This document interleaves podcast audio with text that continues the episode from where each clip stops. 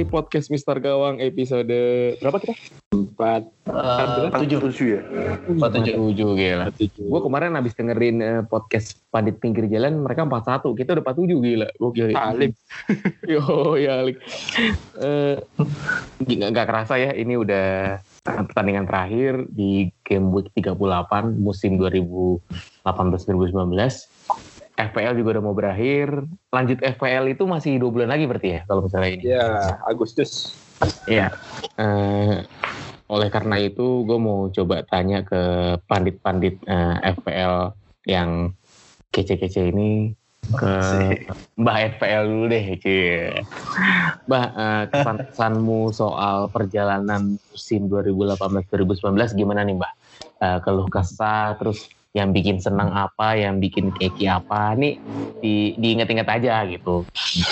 Gimana, Mbah? Silakan. Eh, keluh kesah. Ya, musim ini jauh di bawah harapan ya. Masih di posisi 100 ribuan. Padahal target awal musim sih ya sekitar 10 ribu lah. Hmm. Targetnya 10 ribuan lah. Cuman apa ya? Ya setiap musim kan ada kesulitannya masing-masing. Eh, pemain manajer-manajer FPL bule-bule yang biasanya jago-jago juga banyak yang terpleset. Jadi ya paling nggak ada hiburannya.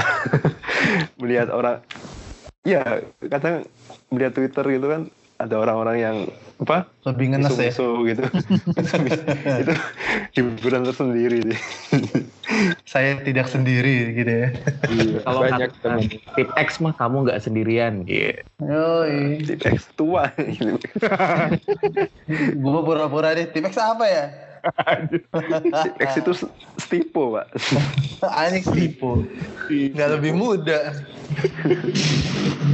ya banyak keputusan yang saya ambil keliru seperti misalnya di game week pertama antara Robertson atau Van Dijk ternyata awal-awal saya milih Van Dijk ya. Tiba-tiba Robertson yang melejit. Terus akhir-akhir malah Van Dijk yang melejit. Gantian gitu. ya banyak koin tosnya lah antara Salah, eh, Salah atau Mane gitu kan. Sih blunder juga. Awal musim milih De Gea. Melihat musim lalu dia kiper terbaik ya Eh, poin terbanyak kiper musim lalu dia Mbah Ya. tuh sempat ini ya, Lingard nih Mbah ya, keren ya Lingard. sempat Lingard ya. Lingard, sempat Lingard. Lukaku. luka aku pernah sekali ya. Oke, pernah.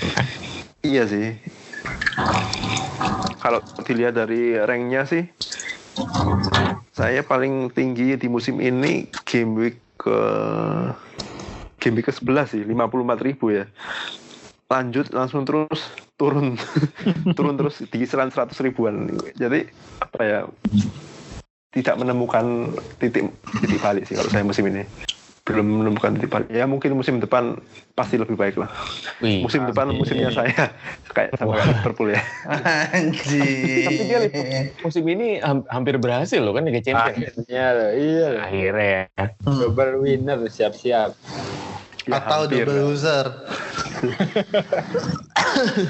Nah, lanjut ke Bang Erik dari FPL Ranger gitu.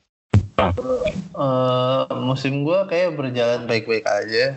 Gue nggak pernah punya harapan tinggi gitu ya, nggak pernah punya target gue harus masuk berapa besar gitu lah. Gue kalau main ya se- seseneng-senengnya aja. Cuman musim ini ini lagi sih yang semakin menguatkan kalau back sayap itu penting ya. ya sih? Yoi, poinnya back-back tuh ma- makin tegas gitu. Gede-gede banget. Kayak jarang banget zaman dulu kita lihat back poinnya bisa di atas 200 gitu. Sekarang tuh kayak enteng aja gitu. Dua-duanya pemain Liverpool lagi nih ya. Robertson, Van Dijk tuh poinnya di atas 200. Poin FPL-nya bahkan di atas Aguero gitu. 195 Aguero. Ya, dan pemain tengah makin menggila, wajar lah ya. Ya udah sih kesan-kesannya gitu-gitu aja. Eh, yang yang bikin lo senang sama yang bikin lo drop apa nih di musim ini? Ingat nggak lo bang? Hmm, bikin gua seneng apa ya? Kayak waktu itu sempet yang lumayan enak gitu ngelihatnya ya waktu gua kaptenin Sterling padahal yang lain pada Oh, gue inget. Harry, Hmm. hat-trick ya? Iya, Sterlingnya hat-trick tuh kayak wah bener sendirian gitu. yang kalau yang enggak yang kemarin sih kemarin gua agak nyebel tuh karena triple kaptenin si Aguero ya. Padahal udah tipis-tipis banget sama Hazard. Gue udah tinggal muter-muter, muter-muter, muter. Milihnya Aguero ternyata jadi cemen tiba-tiba. Itu sih. Eh, gimana nih soal eh, ketua Kofli kita, ketua komunitas Anjing. Premier League Indonesia, Kang Title Himawan yang paling Hadi. berat Dian. Title yang paling Gimana, berat Kang? di antara kita nih. Gimana, Ketua Kang? Kofli yang suka oh gitu ya suka apa mempersiapkan pernikahan Yang nikah nikah. Siap mulu. dia IO, WO. ya iyalah kerjaannya gimana sih? Oke oke. Musim 2018-2019 eh ju- apa sih? Parah sih. Eh, nggak nggak sebanding sama persiapan di awal-awal. Ya soalnya di awal-awal tuh udah sempat flying sih startnya eh, di game week 6 itu udah bahkan udah overall 2700 loh. Bu gila. Lord. Udah sempet. iya. Tapi kayaknya semuanya hancur sejak free hit menyerang. itu free hit legendaris yang akan diingat ya. Karena memang ternyata dampaknya itu jangka panjang. Eh, di situ, pas di situ kacau, Mental nih. uh, uh, match dia sedikit mental pas di situ kacau kan langsung turun tuh ke 20 ribu. Nah terus untuk jangka panjangnya planning double game week blank game weeknya kacau juga gara-gara nggak ada free hit jadi ya ya hancur sih yang sebenarnya yang bikin berantakan tuh ya di itu di double game week blank game weeknya karena karena nggak punya free hit. Terus sepele itu tapi ternyata benar-benar bisa merusak musim Aduh, itu sih. eh kalau yang ya itu apa, worst momennya itu dan best momennya jelas awal-awal ya. Awal-awal padahal Lima back ya? salah lima back ternyata Itu gila loh, gila-gila banget strategi. Itu gokil. tapi ternyata itu works gitu loh. Nah, Iya. sekarang apakah di musim depan emang strateginya apa ya, metanya akan begitu atau atau tetap dengan klasik 343 masih belum kebayang sih sebenarnya. Lu sempat di retweet ini kan Kang, di retweet eh, akun-akun luar kan? Ya, Yang, sempat yang soal pemakaian 5 back itu ya? Ya, sempat. Ya, tapi eh, gimana ya, mentalnya belum cukup sih. belum cukup berani untuk memang bikin tim yang defaultnya emang 5 back premium. Kalau 5 back itu 5 back premium, 3 gandang, terus striker ya, striker enam setengah tujuh itu ya akan gitu sih sebenarnya cuman ya konsekuensinya akan nggak punya Aguero tapi ngelihat poin sekarang Van Dijk sama Robertson lebih tinggi dari Aguero kayaknya kalau dia dari awal musim menjalankan strategi itu akan ya minimal lebih baik dari ini sih overall rankingnya. Ya pelajaran sih pelajaran kita lihat. Soalnya ini emang trennya kalau overall ranking gue dari game week 1 ke sekarang dibikin grafik di Excel itu wah terjun bebas. Hmm. ini karena eh sejak game week 3 ini pertama kalinya gue overall rankingnya di atas 100k. Sombong ya. Weh, nggak sombong. ini, ini set ending namanya, Set ending. anti klimaks. Aduh, ya udahlah. Itu aja sih curhatan musim ini. Ya, not good lah. Yes. Kalau gue apa ya? Gue nggak ada yang bisa diharapin ya kan. Ya nanti udah mainnya nothing tulus terus eh, kayak kebanyakan orang Indonesia too much teori no implementation ya sih no implementation. Jadi eh, ranking gue juga sekarang eh, memalukan, nggak nggak memalukan sih ya udahlah gitu. Dua jutaan, dua jutaan anjing. Dan ya gimana ya?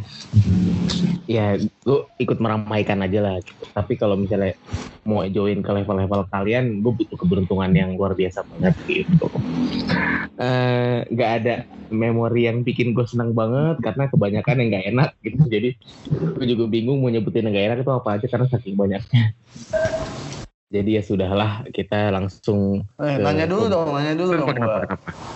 Minus berapa paling banyak musim ini? Yang pasti kayaknya nggak gue uh, 16 kalau nggak salah 16 paling banyak 16. Kayak kayaknya di antara kalian ada yang pernah 20 ya? Belum. Nggak ada. 16, 16. Gue Oh, juga 16. Oh, lu, lu ikan. 16. Iya, Iya. gua- eh 16 apa Eh, 12? emang ya? pernah lo Kang Cis? 16. pernah, pernah 16. Iya, yang pernah, zaman blank game week nggak ada yang main itu loh. Oh. Kira-kira nggak so- punya free hit. Iya, iya, iya, iya, iya. Iya 16. Kalau musim lalu mah bisa sampai 20 24 gua. Slow, semua butuh proses. Pelan-pelan aja. Ya, santai lah. Eh ya untuk pembahasan di Star Gawang episode kali ini, eh gue nggak akan ngebahas full pertandingan karena udah tinggal ngomongin City sama Liverpool doang ya. Berarti tinggal Brighton versus Manchester City dan eh, Liverpool versus Wolves. Wolves itu nanti aja gue omongin. Gue mau ngomongin ini nih. Eh, se- ini eh, nggak ada di skrip ya. Gue mau minta Asik. kalian 11 pemain terbaik menurut kalian dengan formasi 4-4-3 eh 4-3-3. Nah, Ini suka terlalu random ya Bapak ini ya. untuk Kang Cis dulu. Habis makan apa Ubayu ini? Kenapa kenapa? Oh, tapi ini bukan berdasarkan FPL, ini berdasarkan kesukaan kalian aja. Kalau Oh, kalau kesukaan boleh lah. Oke, oke. Empat tiga tiga. 4-3-3 eh, empat back eh, kiri kanan tengah dua tiga tiga tiga gelandang itu satu bertahan eh, satu eh, CMF satunya lagi gelandang serang nah tiga tiga strikernya tuh sayap dua sama penyerang satu Hmm, Seru juga ya. Kakis, Boleh, boleh, boleh. kiper. Ayo Kang Cis aja dulu Kang Cis. Yang lain ngecek dulu. Kalian cek dulu ya. Ya, Kalau akan untuk- ganti-gantian per posisi ya. Untuk kiper lu siapa kan? Kiper dulu ya. Heeh. Kiper eh, mungkin agak klise sih, tapi Ellison. Eh, Bukan ini nggak ada aturan. Nggak ada, nggak ada aturan bebas. nggak masih nggak ada Liverpool apa maksudnya Nggak ada, tim nggak ada, nggak ada kan? nggak ada. Ntar, ntar Liverpool semua ini. Ya pokoknya pertama Ellison lah. Ellison ya karena memang musimnya Liverpool ini jadi beda sih dengan hadirnya Ellison. Ya Liverpool yang dulu kita ceng-cengin defense-nya parah sejak ada Ellison ya, kita nggak bisa ceng-cengin lagi. Liverpool berbeda. Ya Ellison.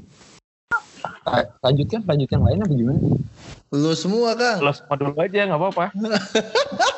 Kita ganti-gantian anjing. Oh, ya, oh ganti-gantian aja ya. Ya udah, Mbah. Lu siapa Mbah kiper Mbah? Mbah aja Mbah sampai habis. Mbah. Cuma dulu. Kiper, kiper, kiper. Mungkin Kepa ya. Ya nggak apa-apa sih. Nggak nggak pakai mungkin juga nggak apa-apa. Nah, Kepa, Kepa. Kenapa bukan Ellison? Kenapa? Ellison mungkin oke dua eh, calon peraih sarung tangan emas ya. Cuman dilihat dari komposisi backnya ya seharusnya dia mampu gitu. Depannya ada Van Dijk, terus ada Robertson, Matip, Gomez. Saya pilih Kepa sih karena musim pertama dia di Chelsea tampil cukup oke di depannya back-back yang stabil dia masih bisa membawa Chelsea masuk champion lagi musim depan gitu kan membawa Chelsea ke semifinal Liga Eropa mau masuk final juga itu saya pilih Kepa Kalau Bang Erik gimana Bang? Kiper, kiper gue milih Ederson sih. Satu asis cuy. Gimana? Bukan tugasnya dia buat ngumpan. Cuy, ya gue milih Ederson sih. Untuk kiper.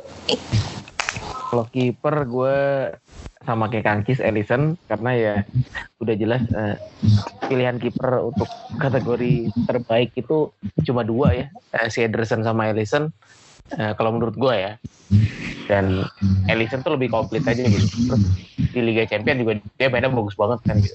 keren Hmm. banget ya untuk orang ya jadi eh, Ellison udah pilihan untuk gue Eh, kembali ke Kang Cis lagi eh, ini langsung back tengah dua-duanya aja ya Kang ya Oke, Kang? siap. back tengah dua-duanya Back tengah dua-duanya Van Dijk jelas ya itu calon Ballon Kalian Ballon d'Or. Kalau dia menang champion kayaknya bisa deh sih.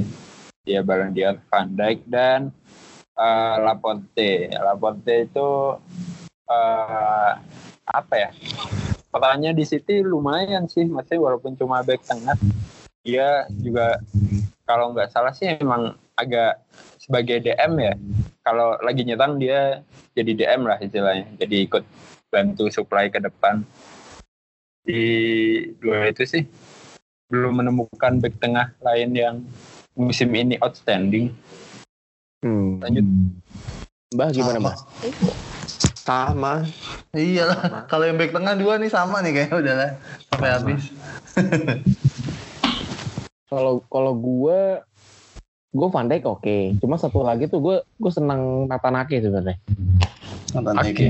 Uh, Natanake tuh eh, pertama emang gue demen gayanya dia aja. Kriwil tapi gimana gitu kan. Terus eh, naluri golnya tuh lumayan. Gue suka aja sih. Bisa bisa. Terus kalau kalau misalnya dia bukan tipe pemain yang neko-neko kan. Terus di Chelsea juga sebenarnya dia dia mau dikasih kesempatan tapi akhirnya eh, David Luiz balik ya udahlah gitu. Nah kalau kalau gue sih Van Dijk sama Natanake. Hmm, bek kiri Kang lu siapa Kang? Back kiri, woi, banyak kandidatnya ya. Eh, gue pilih Lukas Digne. Banjay.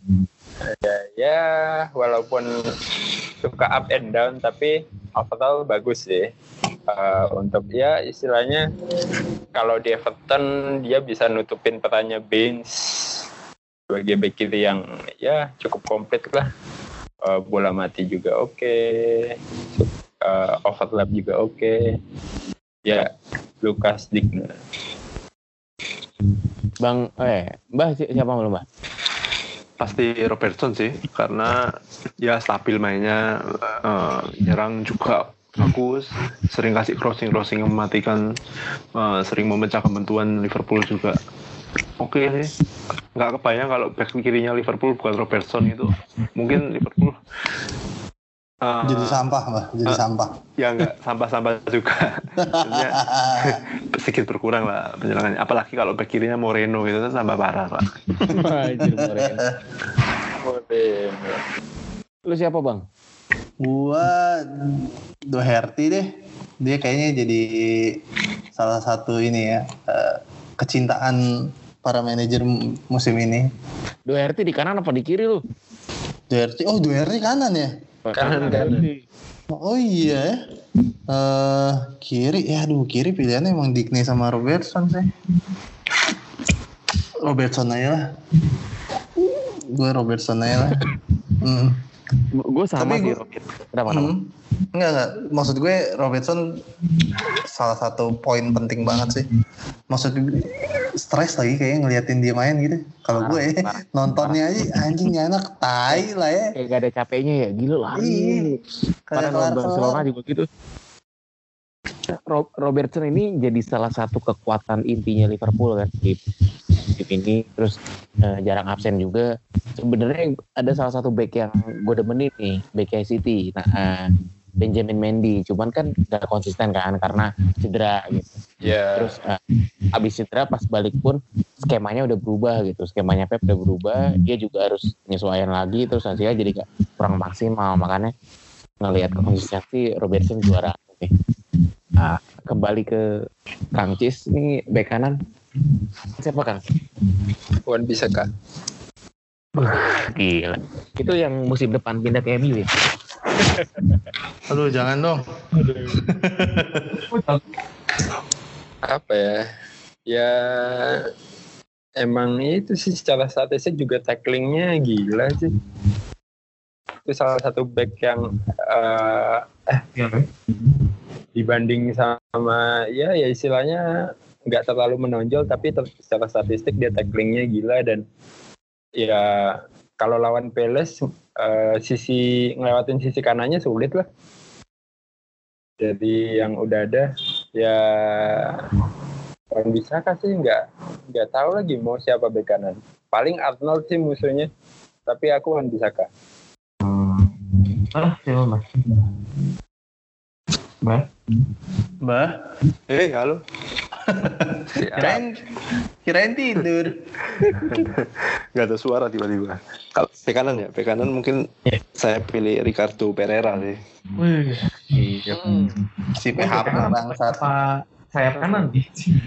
Sayap kanan kan bisa main uh, wingback kanan juga. gitu. Keren, keren. Komplit lah di musim pertama main di tim mediocre dia bisa menjadi satu kekuatan sih bagi Leicester.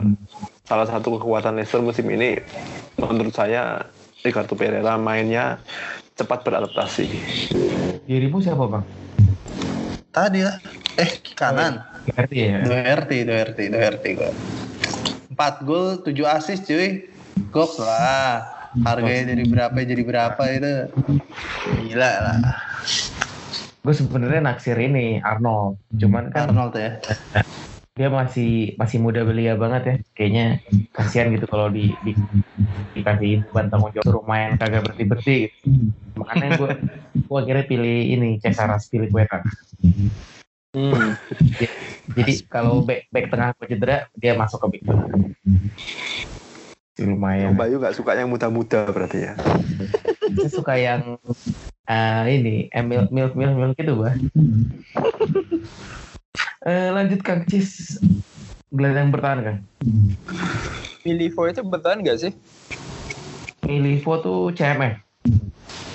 Hmm, bukan berarti ya. Nah, Aduh, Siapa? gelandang bertahan. Harus gelandang bertahan banget nih. ya terserah lu sih mau mepet-mepet CM juga gak apa-apa. Ya udahlah yang penting CM lah. Ya itu CM lah. Ah, aman. Ya kalau kalau emang CM ya Milivo. Ya ya nggak tahu sih Eh, golnya itu kan yang dari open play berapa yang dari penalti berapa. Ya udah 12 gol lah pokoknya udah 12 gol. Terus aku nggak tahu berapa yang penalti berapa yang open play tapi untuk seorang DM ya apa ya ditugaskan sebagai algojo penalti utama dan kayaknya nggak pernah miss deh masuk mulu ya. Jadi di tim di tim apa ya top 11 gue ya wajib nih ada algojo penalti yang model-model begini Liverpool Bah, Eh, bentar, bentar, bentar. Siapa ya? Pogba mah, Pogba. Boom. Ya. Sopo iki? Kante lah. Kante, Kante mungkin. Conte. Kante. Kante. Karena ya Kante musim ini keluar dari zona nyamannya dia ya. Main lebih ke depan tapi saya jadi Sari pun Jorginho mungkin saya buang. Kante balik lagi ke DM ya karena posisi aslinya Kante kan DM kan. Ya, tetap Kante sih kalau menurut saya Chelsea salah satu pilar musim ini sih Kante. Hmm, Bang Erik siapa? Gue tadi sebenarnya milih-milih vote cuman gantilah. Masa sama kayak pemain dikit aja ya. Sih nggak apa-apa sama. Jangan di tengah masih banyak kok. Kalau di, soalnya di, di depan pasti sama. Gue milih Son aja deh Son. Son Heung-min. Yoi, Son Heung-min. Musim ini lumayan walaupun bukan kalau dari segi poin FL bukan musim terbaiknya dari segi poin. Cuman ledakan di bulan Desembernya lumayan lah buat yang Mbah nih kayaknya kalau nggak salah ya Mbak ya. hmm. Yang ngerasain ledakannya Son di bulan Desember. Gue kayak masuk kayak udah di tengah gitu, di tengah mau habis baru masukin Son. Gokil lah. Nah, kalau gue sebenarnya gue ada dua pilihan nih. Kalau gue jadi pelatih, gue tetap harus punya gelandang bertahan buat ngatur serangan sama eh, halau serangan awal. Kalau gak Fernandinho, eh, Ruben Neves. Cuman gue bingung. Nah, nah, Fernandinho tuh kan matang ya, tapi Ruben Neves tuh gelandang muda yang potensial banget lah. Terus eh, ya set piece-nya juga bagus.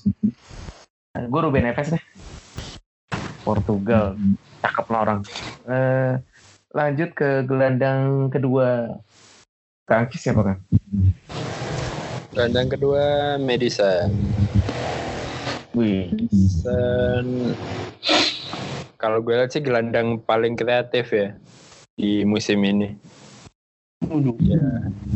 Ya walaupun secara poin FPL mungkin mengecewakan tapi kalau dilihat secara mainan dari cuplikan-cuplikan juga apa ya, ya memang pusat kreativitas Leicester. Di Madison ya? Uh, tidak bisa dipungkiri lagi ya. Memang perannya penting banget. Untuk ya mungkin kalau nggak ada Madison mungkin Leicester bisa berjuang di zona degradasi sih. ya cukup bisa cukup membantu lah hadirnya Madison ditambah dengan Fardi yang masih tajam. Jadi why not lah kreativitinya mantap Madison Bah, Saya Bernardo Silva sih. Bernardo Silva. cakep. Karena ya salah satu pembeda eh, pemain pembeda di City sih musim ini ya. Saat David Silva mungkin udah semakin tua, udah capek gitu kan. Terus De Bruyne juga masih cedera juga. Ya kan Sterling, Son, Guntur, Bernardo bisa jadi pembeda ya dengan eh, skill-skill individu juga. Dan musim ini Bernardo menit bermainnya jauh lebih bahkan Mares yang digadang-gadang bisa menjadi pesaing Sterling pun kalah sama Bernardo soal menit bermain. Menitnya ya. Heeh. saat Sterling nggak main pun atau Sané nggak main bukan bukan Mahrez yang dipasang malah Bernardo itu mungkin musim ini Bernardo menjadi pemain terbaik City sih kalau menurut saya Lo siapa kak? Ah, bang. Gue Fraser lah. Kayaknya eh Bournemouth nggak akan kayak Bournemouth yang sekarang tanpa Fraser. Walaupun walaupun ada Wilson ya. Dua pemain idola. Dan apa ya? Kalau dari postur tuh mirip-mirip kayak Syakiri gitu ya, bantet-bantet tebel gitu ya. Iya kan? Bantet-bantet tebel. Mm-mm. Tadi sebenarnya pengennya Brooks ya, cuman gue suka banget sama Brooks karena tampangnya nggak meyakinkan tapi nyari posisinya indah mulu. Cuman perannya si Fraser gila lah musim ini ya. Asisnya banyak banget, eh, golnya juga banyak. Gue pilih Fraser aja. Gue ya apa ya buat tampingin ini. Sebenarnya gue, gue naksir Bernardo Silva sih karena eh, si Pep juga udah ngomong kan Bernardo Silva nih bakal bakal jadi eh, primadona lah di di City maupun di di dunia karena bakatnya emang bagus banget. Kebukti memang dia udah berhasil geser Sane ya bukan Mahrez lagi malah Sane yang musim lalu tampil bagus malah nggak jadi starter karena skemanya dia tuh malah skemanya Bernardo Silva tuh malah lebih bagus pada saat uh, dia dampingin Aguero sama Sterling di depan. Dan buat jadi gelandang serang juga bagus juga. Tambah tadi uh, David Silva udah mulai menua terus Kevin De Bruyne uh, cedera terus gitu. Dan gua rasa klub-klub kayak Real Madrid atau Barcelona nih kalau City ngasih harga nih pasti bak- bakal beli si Bernardo Silva. Gue kayak gitu. ya. Nah, lanjut ke gelandang ketiga, gelandang serang. Siapa Kang? dan selanjutnya Sigi Hmm. karena di musim ini adalah musim terbanyak dia cetak gol ya 13 musim-musim sebelumnya dia lebih ke banyak asis ya tapi di Assist ya? Musim, Ah, ah, di di musimnya ada musim terbanyaknya dia cetak gol. Dan formnya dia udah kayak zaman Swansea sih udah balik lagi. Udah kalau dulu kan sempat di Spurs juga flop kan. Ya eh, untuk yang formasi yang sekarang ini dia ditaruh di nomor 10 dan mungkin apa ya cocok ya sama teman-temannya di Everton yang sekarang Richarlison dan kawan-kawan. Jadi optimal juga mainnya. Terus juga eh, Algo penalti kedua lah berarti setelah Milivo di tim gue Bah, siapa Mbah? Dirimu, Mbah. Gelandang ketiga. gelandang ketiga sih suka Ramsey sih Ramsey Wah, anjir Ramsey. iya loh Ramsey ya mungkin soal selera ya pelatih ya Emery ya Emery mungkin nggak terlalu apa ya nggak terlalu memakai Ramsey apalagi dia sudah memutuskan pindah ke Juve kan. Cuman dari segi permainan ketika dia main itu kerasa Arsenal ada energinya gitu loh. Nggak cuma main-main elegan kayak mengandalkan Miki atau Osil tapi Ramsey membawa suatu apa ya lebih bersemangat itulah mainnya Arsenal kalau ada Ramsey. Dan terbukti ya meskipun musim ini minim bermain dia sudah minta Rasio 4 gol golnya dan 6 lumayan. assist ya Iya, Hmm. makan. untuk ukuran pemain yang jarang main 4 gol 6 assist lumayan lah kalau menurut saya Lu siapa bang? Gue eh musim ini gue karena biar ada DM-nya gue milih ini deh Torreira deh. Ini Eh, musim, per- musim pertamanya eh, lumayan oke lah. Setengah musim ya. Setengah musim sih oke. Habis Fe- habis Januari Februari tiba-tiba agak sampah. Cuman ngasih ini lah ngasih warna baru. Orangnya nggak terlalu gede kecil tapi main datang ke Liga Inggris yang badannya segede-gede gambrong. Tapi nggak takut gitu. Lu, gelandang lu kecil-kecil berarti lu ya? Fraser, gitu. Sigis. oh iya Fraser, Torreira sama Son. Apa apalah nyerang aja terus tahan itu deh. Kalau gue, gue tadi udah punya Reves, udah punya Bernardo Silva, gue butuh Pogba. Wih.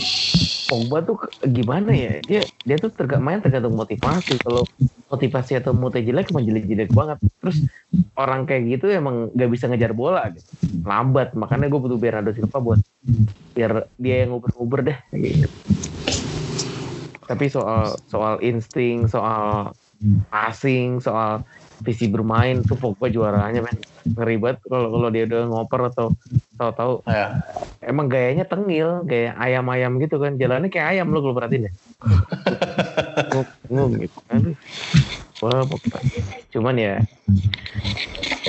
dia dia bawa Prancis juara men ya udahlah juara dunia Si Soko juga ju- mau juara kata kata Mbak. Giroud juga juara dunia Giroud juga nggak ngegolin juara dunia.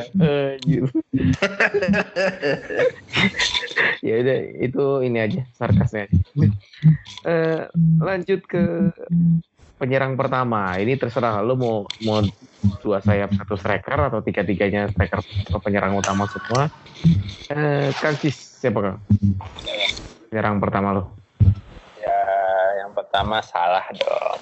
Uh, Salah. Udah ya ini ini berlaku untuk semuanya ya. iya oh enggak gue gue nggak pakai salah gue Oh iya. Oke oke. Gue Yang pakai salah diam aja. salah. Sebelah kanan ya top skor ya sekarang 22 gol. Ya apalagi emang eh, dari musim kemarin emang salah sedang peak season sih sedang di puncak-puncak kejayaannya ya kenapa nggak dipilih sebelah kanan salah satu-satu kan ini satu satu Bebas. ya udah langsung tiga aja nggak apa-apa Langsung tiga ya langsung tiga. Kayaknya- Banyaknya sama nih.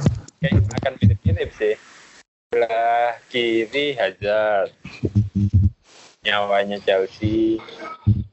Ya nggak ada Hazard nggak ada Chelsea. Ya wajib lah. Punya seorang apa ya bisa punya soul dari tim di sayap kiri. Striker utama. Nah ini mungkin akan beda-beda sih tapi gue pilih yang standar aja. Standar sudah teruji sudah terbukti. Aguero Ya, ya mahal semua sih, nggak apa-apa, nggak ada budgetnya kan. nggak ada budgetnya Kebiasaan nih ngecek FPL. ya gitu masih ya terbaik lah di musim ini. Ya, tiga tuh langsung. siapa mbak oh Kanji sudah tiga ya Udah langsung aja bos. pertama Hazard ya. Eh, karena hampir mirip sih. Ya karena Hazard nyawanya Chelsea gitu kan.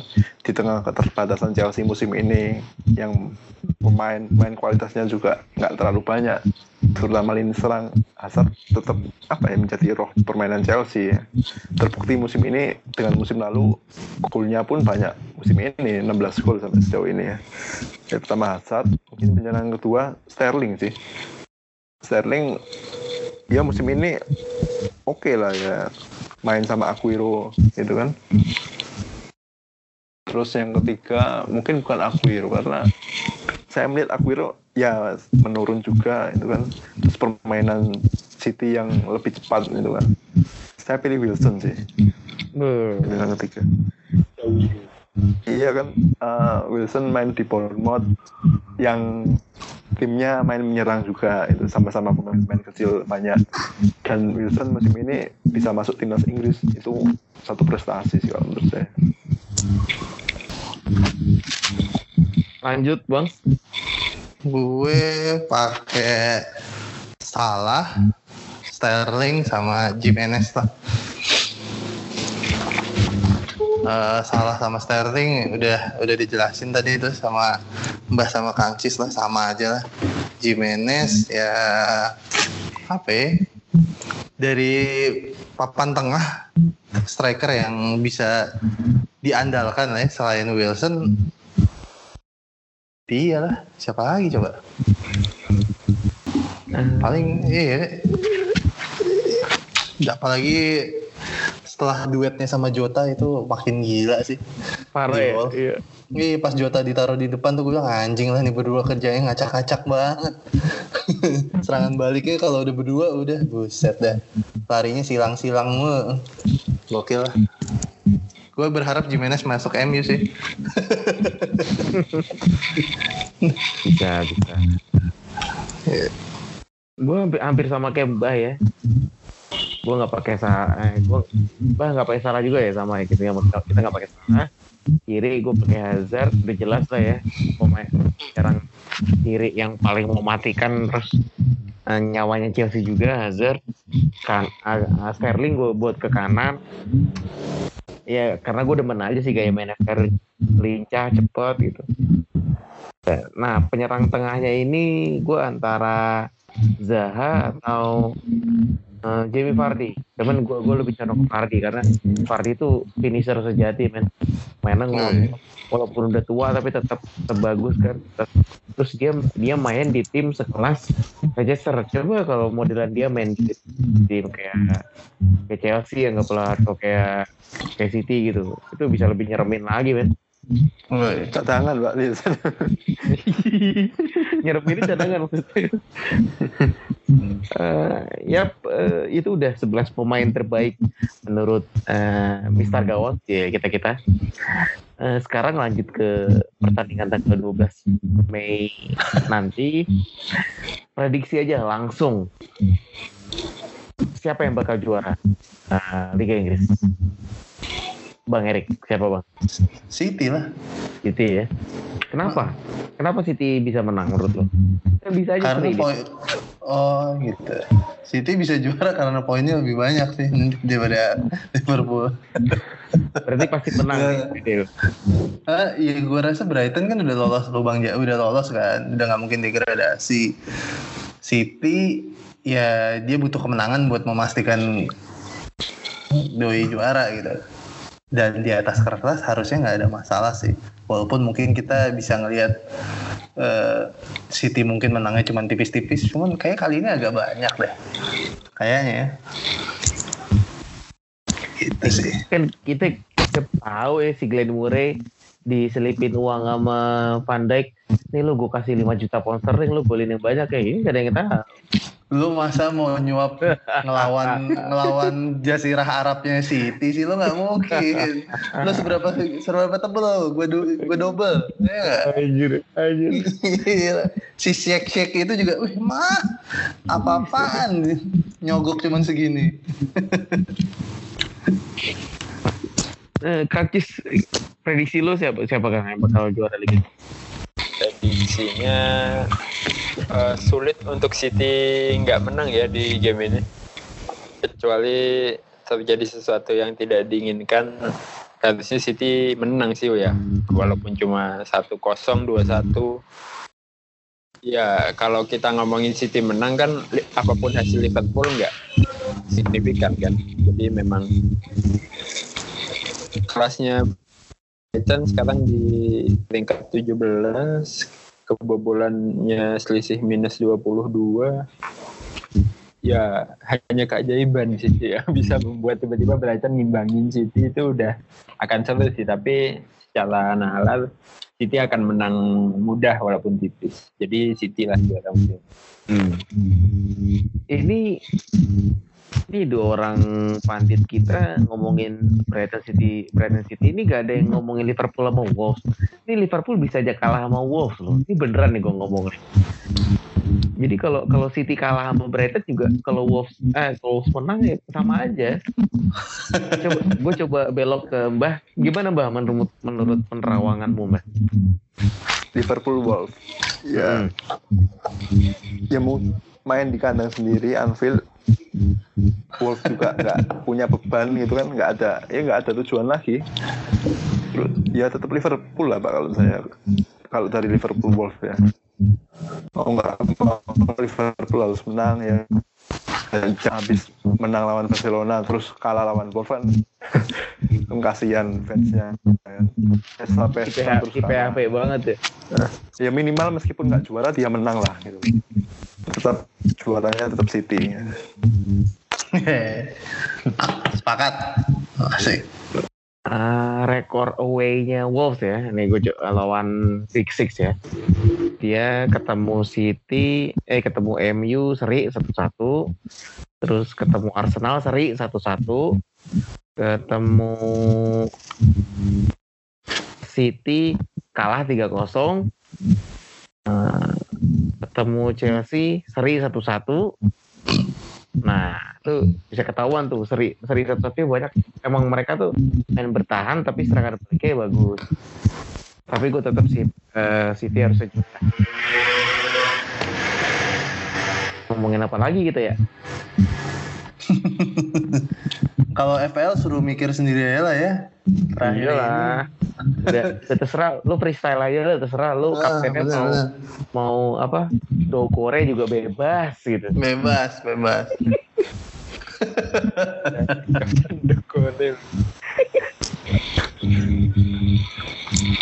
Gitu. Lagi ya, ini jadi podcast terakhir musim ini apa gimana? Eh, Gitu? Ya nanti kita lihat lah perkembangannya bagaimana. Kalau mau ngomongin yang lain monggo. Eh, untuk nobar gimana nih? Nah, Nobar, nobar. Hmm, kita pasti bertiga datang kan ya? datang insya Allah gue. ya Oke, ya udah. Minimal itu sih.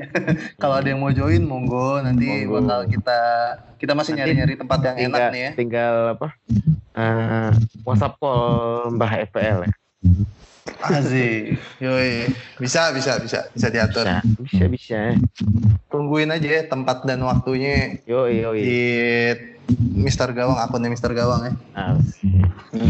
Pokoknya sekitaran Jakarta Selatan tapi eh, kagak kesonoan ya, kagak ke pusat-pusatan. Selatan. Pokoknya- Selatan mepet TB Simatupang. TB Dah, Simatupang. paling benar. ya nggak? Aman semua kan? Yoi. Gitu aja lah. Eh, terakhir, terakhir. Harapan kalian untuk eh, FPL musim depan. Eh, Bang Erik, Gue ya, eh, harga pemain jangan gila-gila banget lah ya. Ini kalau salah dapat tiga lagi, tiga dapat pencetak gol terbanyak bakal naik atau enggak nggak usah naik lah. Ini segini aja udah stres. salah Mungkin Mane. 13 juta ya? 13 13. Mungkin Mane agak Belas. akan naik nih ya Mane ya. Mane pasti naik. Nah, ya Sterling, itu Sterling naik. Sterling. Ini inilah seru-seruan sebelum apa? Nanti sebelum mulai liga season baru kita tebak-tebakan harga lah ya. Polisi, Terus- polisi berapa polisi? Pulisic. Hmm, berapa ya? Pulisic Chelsea nomor 10. 9 juta bilang gua. Enggak lah, masa sih masih Iya, bocah mungkin nyet. kan. Apa 8 setengah ya? 8 setengah berarti. Tujuh Geser lah, nih, tujuh setengah gitu. Wajir, murah banget aja. Ya kan belum terbukti. Asik, sok tahu ya. Jadon Sancho berapa Jadon Sancho? Asik, main di mana emang Jadon Sancho? MU lah. MU. kan harapan men. Jangan lah, jangan dia lah. Mimpi United. Aduh. United bangsat. Jangan lah Jadon-Jadon Sancho lah. Ya harapannya semoga yang main FPL lebih banyak, yang nyari informasi dan berbagi informasi di Twitter lebih banyak lagi. Oh, iya. Gitu aja sih paling. Hadiah-hadiahnya nih. Hadiah-hadiahnya. Hadiah turnamen. Iya. Kan musim ini kan dibilang fenomenal nih soal hadiah. Emang ya? Gak perhatiin Iya. gua. Kalau kalau lo merhatiin, bu, keren-keren hadiahnya. Tapi Ini berarti berarti yang peringkat satu Indonesia nih alamatnya diminta sama semua orang ya? nyayur, nyayur. Asal penyelenggaranya nggak hilang aja. Yoi, yoi. Udah gitu doang, Kang. Bang. Iya, udah gitu aja Ya lah. udah. Eh, sama inilah satu lagi. Apa-apa, apa. Semoga kita masih diberi kekuatan untuk lanjutin Amin. Mister Gawang season 2 ya. Yoi. Season 2 anjir kayak ini Game of Thrones. Yoi. Terjorah mati cuy. Film. Eh, lanjut ke Mbah, Mbah FPL. Gimana Mbah janganmu dan? Harapan mungkin yang pertama FPL tetap ada ya. Masih ada FPL gitu kan. Masih lah gila lu. Ya siapa tahu kiamat tiba-tiba kan. Ah, gue suka nih yang nggak ada, kita juga nggak ada. Terus yang kedua, RCTI sama MNC tetap nyariin ke Inggris karena saya itu ya saya nggak langganan TV kabel juga ya mengandalkan TV lokal lah ya Eh, Pak Arif. Oh, kalau itu gue punya jawabannya tuh. Kenapa? Gimana? kenapa? Di dipecah sama konsorsium ya. Jadi yang nayangin kalau nggak salah Trans kedapet, TV One dapet, Net Nah, dapet, nah, itu. jadi jadi tam- Gitu. tampil semua ya, so, seingat gue. ya. Ah, dan ya kemungkinan besar bisa satu eh dalam satu weekend tuh bisa lebih dari tiga match disia- disiarin oh ya di TV nasional iya karena dipecah-pecah jadi jadi enak banget lah harusnya Terus ini apa? Eh, tahu gua nih ini info dari abang gua sih. Katanya Bain tuh udah stop kerja sama sama ini sama ya Ben ya udah stop Bain. Eh, jadi buat lo lo yang punya Nextmedia, lo wajib was-was gitu. Percuma nggak nggak ada nggak ada Liga Inggris kan. Info terakhir tuh kalau nggak Fox apa ya lupa gua. Nggak tahu deh. Cuma TV lokalnya udah pasti sih itu. Oh, TV lokal. Apa, Ya udahlah, perbaiki antena aja. berarti TV lokalnya trans berarti pak? Ada kalau nggak salah Trans dapet Net dapet banyak kan gitu. Ada empat atau lima gitu lima stasiun empat atau lima stasiun TV dikeroyok gitu makin kan harganya mahal tuh bah dipecah-pecah lah Raja Wali patungan. Raja Wali TV ada, terus eh, eh, TVRI Bojonggede juga ada. Anjing. sama Space Space Tune Space Tune. Space apa Pestun bener. Space Tune ya Eh, TV masa depan. eh, ya. Apalagi mas? Eh, ya FPL yang main lebih banyak itu kan yang aktif di Twitter juga banyak. Ya itu itu aja ya. Iya, ya paling enggak ya rame-rame lah apa posting timnya ya, apa saya seneng loh kadang lihat tim lihat lihat timnya orang gitu suka terinspirasi mbak apa suka terinspirasi ya iya kadang-kadang terus bandingin. Ini yang ngemper siapa aja ya. Iya ya betul betul. Yang ngemper siapa aja. Ya semoga liganya yang berhadiah juga makin banyak dan juga yang main FPL juga. Apa ya jangan terlalu nganu hadiah lah. Karena kalau kita terlalu fokus sama hadiah tiba-tiba setengah musim eh, bejo kita hilang mungkin kita udah nggak Bubar ya. passion lagi gitu kan Malas jadinya. ya. Eh, karena passion nggak melulu soal hadiah kan asik gila Ini ngobrol tengah malam jam 12 malam juga passion nih mas. iya eh, Tanpa hadiah ya, Bro. Yoi. tanpa dia Iya. itu sih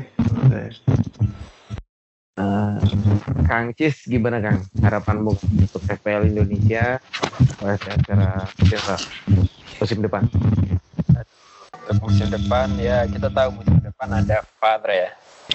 Ada VAR ya. Mungkin lebih ke pemain Liga Inggrisnya semoga nggak banyak diving karena pada nyari penalti ntar. Nanti impactnya ke kita kita milih pemain FPL-nya jadi pilih pemain yang ambil penalti semua. Iya, auto penalti taker. Nico Jevic kapten. ya terus ya ini sih paling glitch glitch yang ada di game kayak asisnya untuk case yang sama kadang asis kadang enggak ya gitu-gitu lebih diseragamkan lagi lah. ya kalau emang as, eh, aturannya tiba-tiba kalau emang asis ya asis enggak ya enggak terus tetap juga kalau apa? Yang yang ngenain penalti apa ya yang nyele, yang nyeleding orang sehingga terjadi penalti itu poinnya minus saja nggak apa-apa. Biar pada males pakai back. Bisa, ya, bisa, bisa. terlalu enak sih back maksudnya ya clean sheet dia poin 4 salah sama strikernya gol Golin. Ya kebobolan dua baru minus satu. Iya. ya, harus dapat tambahan minus poin. Ya itulah kalau dia bikin penalti setidaknya dapat lah. Terus juga BPS ya kadang pemain yang kayaknya outstanding nggak dapat BPS ya kayak salah di awal-awal ya. Salah terus tiba-tiba buat bisa ke BPS 30 ya itu ya mungkin lebih disesuaikan lah. Jadi apa yang terlihat ya cuma dari data aja soalnya kan. Karena mungkin kadang nggak pas juga. Kalau untuk komunitasnya FL di Twitter sendiri sih ya ya udah jangan ya mulai open minded jangan pada baperan lah Apa ada yang baperan? di luar ada di luar. Oh gitu. ya ya udah. Ini cuma game. Evan aja. Ya misalkan uh, minta saran ya udah. Kalau salahnya salah ya dimaafkan gitu. Bukannya "Oh, gara-gara gue ngikutin lo jadi salah. Ya kan lu ya ngapain lu nanya? Anjing. Iya ya udah. Bangsat. Fun aja ini ya walaupun kita passion kita serius di game ini tapi tetap sadarilah ini cuma game jadi santai aja lah jangan terlalu apa ya terlalu jadi sesuatu yang dibawa serius dibawa jadi masalah gitu ya pokoknya enjoy the game lah sih. Enjoy the game kayak motonya PSSI. Emang iya enjoy the game juga. Enggak tahu sih gue nggak salah aja. Tai. Ya eh, kalau harapan gue sama kayak kalian semua. Ya intinya mudah-mudahan eh, pemain FPL di Indonesia ini makin banyak, orang makin banyak tahu eh, gimana enaknya atau serunya main FPL, gimana caranya kita nonton bola tuh sambil nikmatin tegang-tegangnya, padahal itu bukan tim yang kita bela ataupun itu eh, tim kompetitor kita misalnya serunya kayak gitu ya mudah-mudahan orang-orang makin banyak eh, mengikuti FPL itu kayak gimana jadi makin eh udah ya kayaknya ya apalagi nih yang bisa kita Saya ada pertanyaan satu, Pak. boleh boleh Pertanyaan yang cukup mendasar FPL masing-masing ya. Menurut kalian eh, perbandingan FPL itu apa? Perban apa komposisinya keberuntungan berapa persen gitu Eh, data berapa persen apa aja elemennya mbak Eh kerenyak kerenyak nggak sih suaranya? iya itu dari mana sih dari Nggak tahu. Boleh dicoba kali. coba tak keluar bentar Coba. ya udah keluar masuk, tanggung keluar masuk. anjir udah Apa? Bener. berarti yang tadi kesimpan otomatis kan ya ya yang tadi udah Harus ya. Harus ya. Semoga ada dua file berarti Semoga. Jadi kan kapan lalu di Twitter ada yang apa ya FPL itu berapa persen keberuntungan, berapa persen ini ini ini ini. Kalau menurut kalian gimana eh, melihatnya FPL itu berapa persen, berapa persen? Kalau saya pribadi sih sempat saya bilang 50% keberuntungan 50% skill ya tapi semakin saya mikir lagi kalau menurut saya sih 90% keberuntungan 10% data ya skill.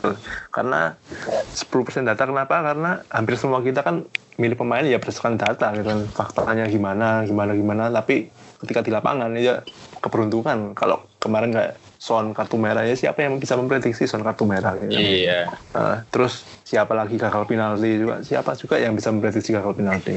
Kalau saya sih gitu kalau menurut kalian gimana Ya sama sih. Yang jelas faktor keberuntungan uh, posisinya di atas skill untuk FPL ya. Jadi ya mana ya? Ya sematang apa pun persiapan lo tiba-tiba kayak ya misal kayak Son kemarin ya tiba-tiba kartu merah. Terus ya ya gimana itu faktor yang nggak bisa nggak ada datanya gitu loh. Son Son berapa kali nih dapat kartu merah dalam satu musim? Kan kita nggak ada nggak nggak bisa pakai data kayak gitu. Ya gimana di lapangan? Jadi ya tetap gimana ya? Uh, tetap persiapin lah semaksimal mungkin. Ya semaksimal skill lo gimana dipersiapkan tapi pada akhirnya nanti tetap keberuntungan yang memberi poin jadi ya istilahnya kalau udah capek-capek ngecak tapi gagal ya ya maklumin aja memang kayak gitu apa ya Om Bayu Bang Erik. Om Bayu dulu lah. Udah ngantuk tuh kayak itu anjir enggak lah gila. Belum, belum sahur gue sahur dulu baru tidur. Eh, kalau buat gue ya ini gue pribadi. Statistik atau skill itu 20 persen, 80 persen itu keberuntungan karena uh, bola kita kita kan nonton bola ya, bola itu juga uh, bu, bukan kita main game ya. Kalau main game kan uh, anggaplah kayak lo main PES atau FIFA gitu, lo udah ketahuan gitu, lo yeah. sering main, lo pasti jago gitu, pastilah kelihatan, oh sering main lo segala macam gitu. Tapi kalau FPL itu nggak nggak bisa kayak gitu juga oke okay, lu sering main lu udah main anggaplah lu udah main FPL tuh udah lima tahun uh, pemahaman lu strategi lu terus cara lu uh, mandang misalnya oh ini pemain bakal gacor nih kayak gitu-gitu itu pasti beda sama orang yang baru main kan. Tapi tetap aja uh, keuntungannya juga gede gede banget gitu. Jadi statistik emang oke okay. makanya gue bilang 20% jadi segala persiapan itu lo full di 20% tapi yang yang sisanya ya beruntung apa enggak gitu.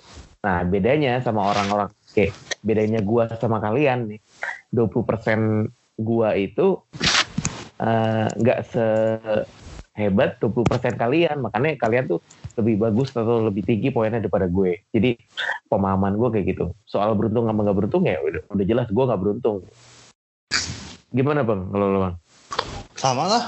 Kalau itu mah maksudnya kita beneran nggak punya kontrol apa-apa sama pertandingannya Pertandingan. secara langsung gitu. Yeah. jadi nggak bisa nggak bisa megang stick nggak bisa ngelakuinnya. Jadi ya So, ya menurut gue keberuntungan tuh faktor paling besar lah. Sebenarnya yang lebih menarik itu antara ini sih uh, analisa atau insting dalam menentukan pemain itu jauh lebih tipis tuh. Maksudnya mm-hmm. kita bisa berantem berargumen banyak banget di situ. Ada yeah. yang bilang ini ya lebih baik. Maksudnya itu lebih seru kalau soal keberuntungan atau skill ya itu keberuntungan. Maksudnya kalau kalau soal skill apakah ada yang menang dua kali berturut-turut atau dua kali lah menang season di FL kan nggak ada juga. Gak ada. Gak, iya, jadi ya bukan bukan menurut gue keberuntungannya jauh lebih tinggi. Menurut yang lebih menarik itu insting atau analisa. Nah itu jauh lebih lebih banyak lah bisa diargumen. Nah, ya udah, faktor sambung itu aja. Apa analisa? Iya ya udah, ayo tanyain sekali ya. Kentang. Oke oke, analisa udah kentang. analisa insting ya. Kalau gua sih analisa insting uh, gini, analisa diperlukan sampai ke proses 90% untuk menentukan pilihan gue pakai insting gitu. Gimana? Masuk gak itu? Setuju, gue masuk. Iya, jadi ya gitu deh. Enggak jadi ibarat insting ya. Enggak. Jadi insting gue pakai cuman untuk menentukan yang udah gue kerucutin. Jadi ibaratnya gue Iya. nyari nyari satu striker gue pilih ada punya pilihan tiga nah itu gue pakai itu data semuanya terus datanya udah gue baca semua nah untuk milih dari tiga itu ya gue pakai insting udahlah ini aja gitu kalau gue sih gitu tuh gimana nggak tahu deh kalau yang lain gimana Gue setuju sama Bang Erik. Lanjut. Setuju. Eh, ya sama sih, tapi perumpamaannya aja mungkin beda. Jadi analisa data itu gunanya untuk apa ya? Ya filter sih kalau gue istilahnya. Mhm. Kan misalnya lo butuh meat harga segini, ya udah itu kan ada banyak tuh pasti. Mungkin ada 20-an pemain. Nah, pakai Hmm. data, pakai eh, pakai analisa data untuk ngefilter. Jadi ya mungkin sisa tiga atau empat pilihan lah. Baru di situ lu yakin yang mana. Jadi tetap ya dua-duanya berperan penting sih. Cuma dan eh, mungkin 50-50 dan eh, apa ya gunanya itu adalah sequence. Jadi eh, analisa dulu baru insting. Gue gue jarang sih kayak ngefilter pakai insting baru dari data bagus mana.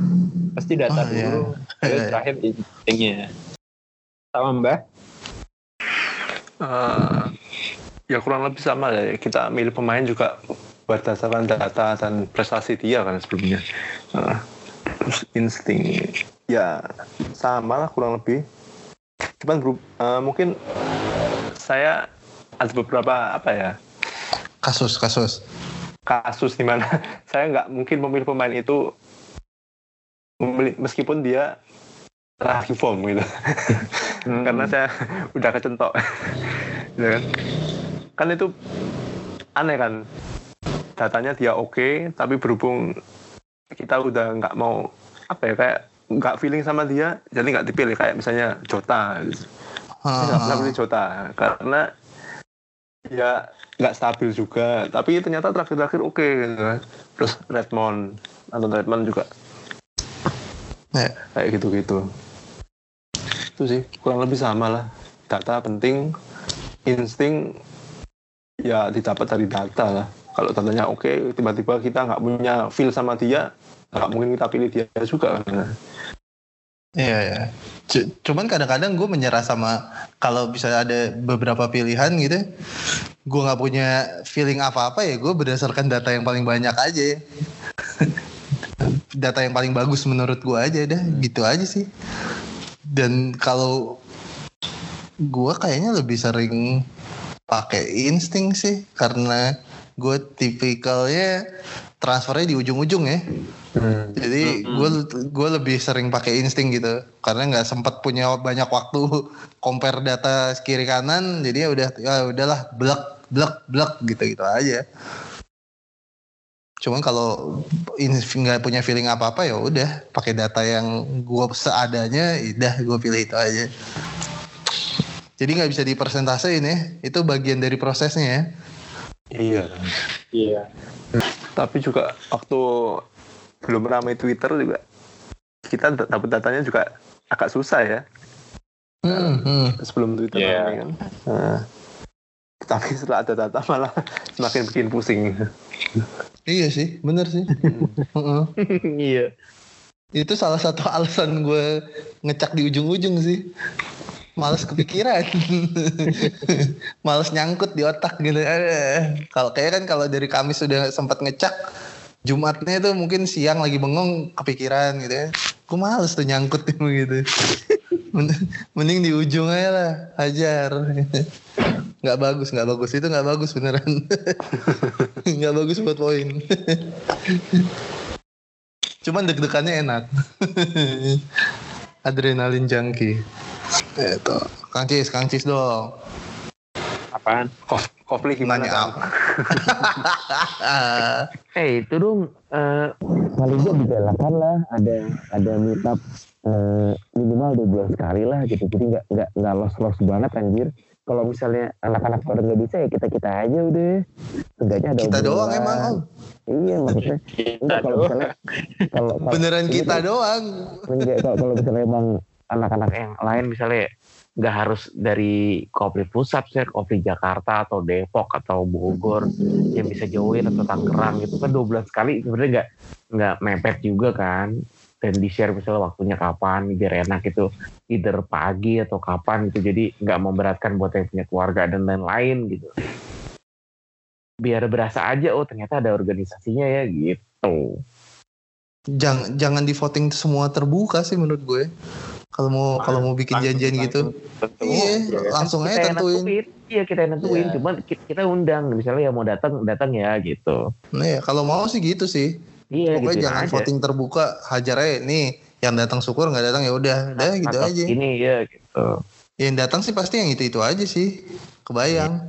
Ya nggak Kang Cis? Iya. Ya, kita lihat lah musim depan gimana ya paling enggak musim ini terutama yang udah joinnya yang udah join di liga daerah masing-masing juga eh, Oh tiga iya. tiga terbaiknya. ya, liga ya?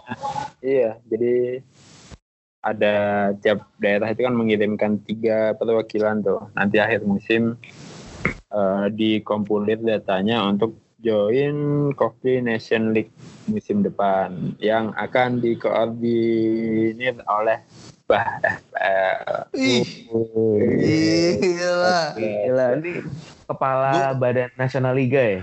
Gue Kayak, pokoknya kayak Gusti Randa berarti ya. Tak Joko Triono ya. Joko Driono lah. Joko Driono kan ini CEO.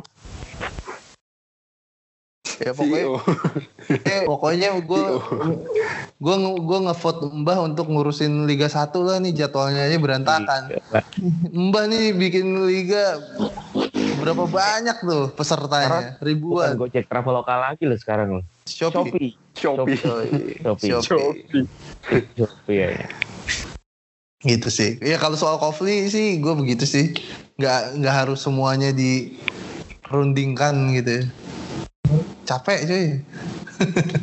harus apalagi kalau janjian gitu ya udah mendingan tentuin kelar aja. Ada lagi lagi? Ada lagi? Itu kuis-kuis apa? Yang Kuis. Terbang.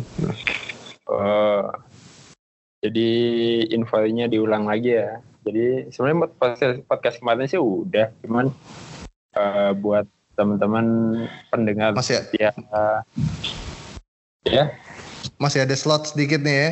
Ah, Iya. Sisa berapa slot bang? pokoknya masih ada slot lah, masih ada. Ah, Ya semakin tipis, ya soalnya yang kemarin udah nyangkut beberapa, jadi buat teman-teman yang ngedengerin ini, ngedengerin pesan ini, silakan DM. Nanti kita mintain nomor WhatsApp-nya untuk join liga ah, liga eksklusif kita di musim pertama. Hmm. Jadi isinya, isinya itu kita berempat sama 14 dari kalian.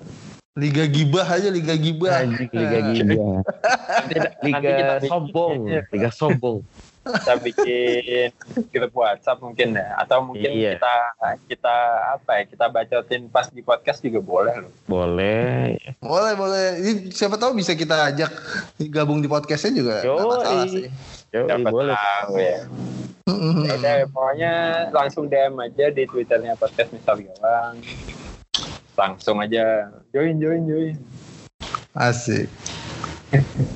Yoi. Ya, eh, terima kasih buat teman-teman semua yang mendengar. Eh, jangan lupa hati-hati di jalan. Salam-salam buat keluarga. Hmm, salam buat istrinya juga. Salam buat Thanos. Ya. Salah. Buat siapa? Thanos. Oh, Thanos. Tanah sudah hilang mbak. Salam Spoiler buat, lah itu kamu. eh, nggak apa-apa Roman. udah udah kebangetan kalau belum nonton mas sekarang udah hilang tanah sudah hilang Kita bahas Avenger aja. Terus satu lagi salam-salam buat teman-teman Persija nih. Marcos ini udah balik, Cie. Ah, Tapi Masuk semifinal Andri ya? Tani di sana. anjing penderitaan nih. Derita nih. Lu kalau ketemu bilang dari kata temen gue lu kurang kurang 10 cm. Eh, lu nonton yang lawan Bali United gak? Enggak, enggak nonton. Itu bagus banget main dia main-main. Apa? Penyelamatannya. Penyelamatannya, tapi kadang-kadang keluar gawang gitu, blunder. Tapi bagus sih buat ukuran kiper Indonesia ya, asik. Eh, gue sih nggak Balinya pernah bilang jelek. Tapi Hah? Hmm. Kenapa? Bali United Bali jelek kemarin tapi Iya. Gue nggak bilang dia jelek sih mainnya si siapa Andri Tani. Cuma menurut gue dia bagus, jago shot stoppernya keren. Cuman kurang tinggi 10 cm menurut gue. Bayangin Andri Tani 10 tinggi 10 cm lebih tinggi. Gokil coy. Iya. Mainnya udah nggak di Liga Indonesia gue yakin. Liga mana pak? Ya Thailand boleh lah, Jepang Jepang di apa? Liga 2-nya boleh lah. Enggak, kan kan udah udah, gue bilang ya di podcast yang sebelumnya itu. Di- Dia kan di, ditaksir klub Liga 2 Jepang sama klub Thailand.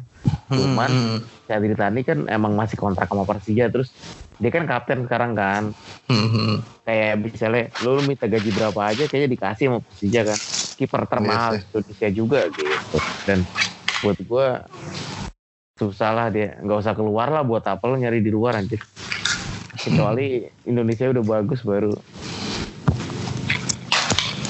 Gitu deh. Ya, semoga kita bertemu di si- musim berikutnya season 2 ya. Hmm. Ya, sampai jumpa teman-teman semua Mister Gawang pamit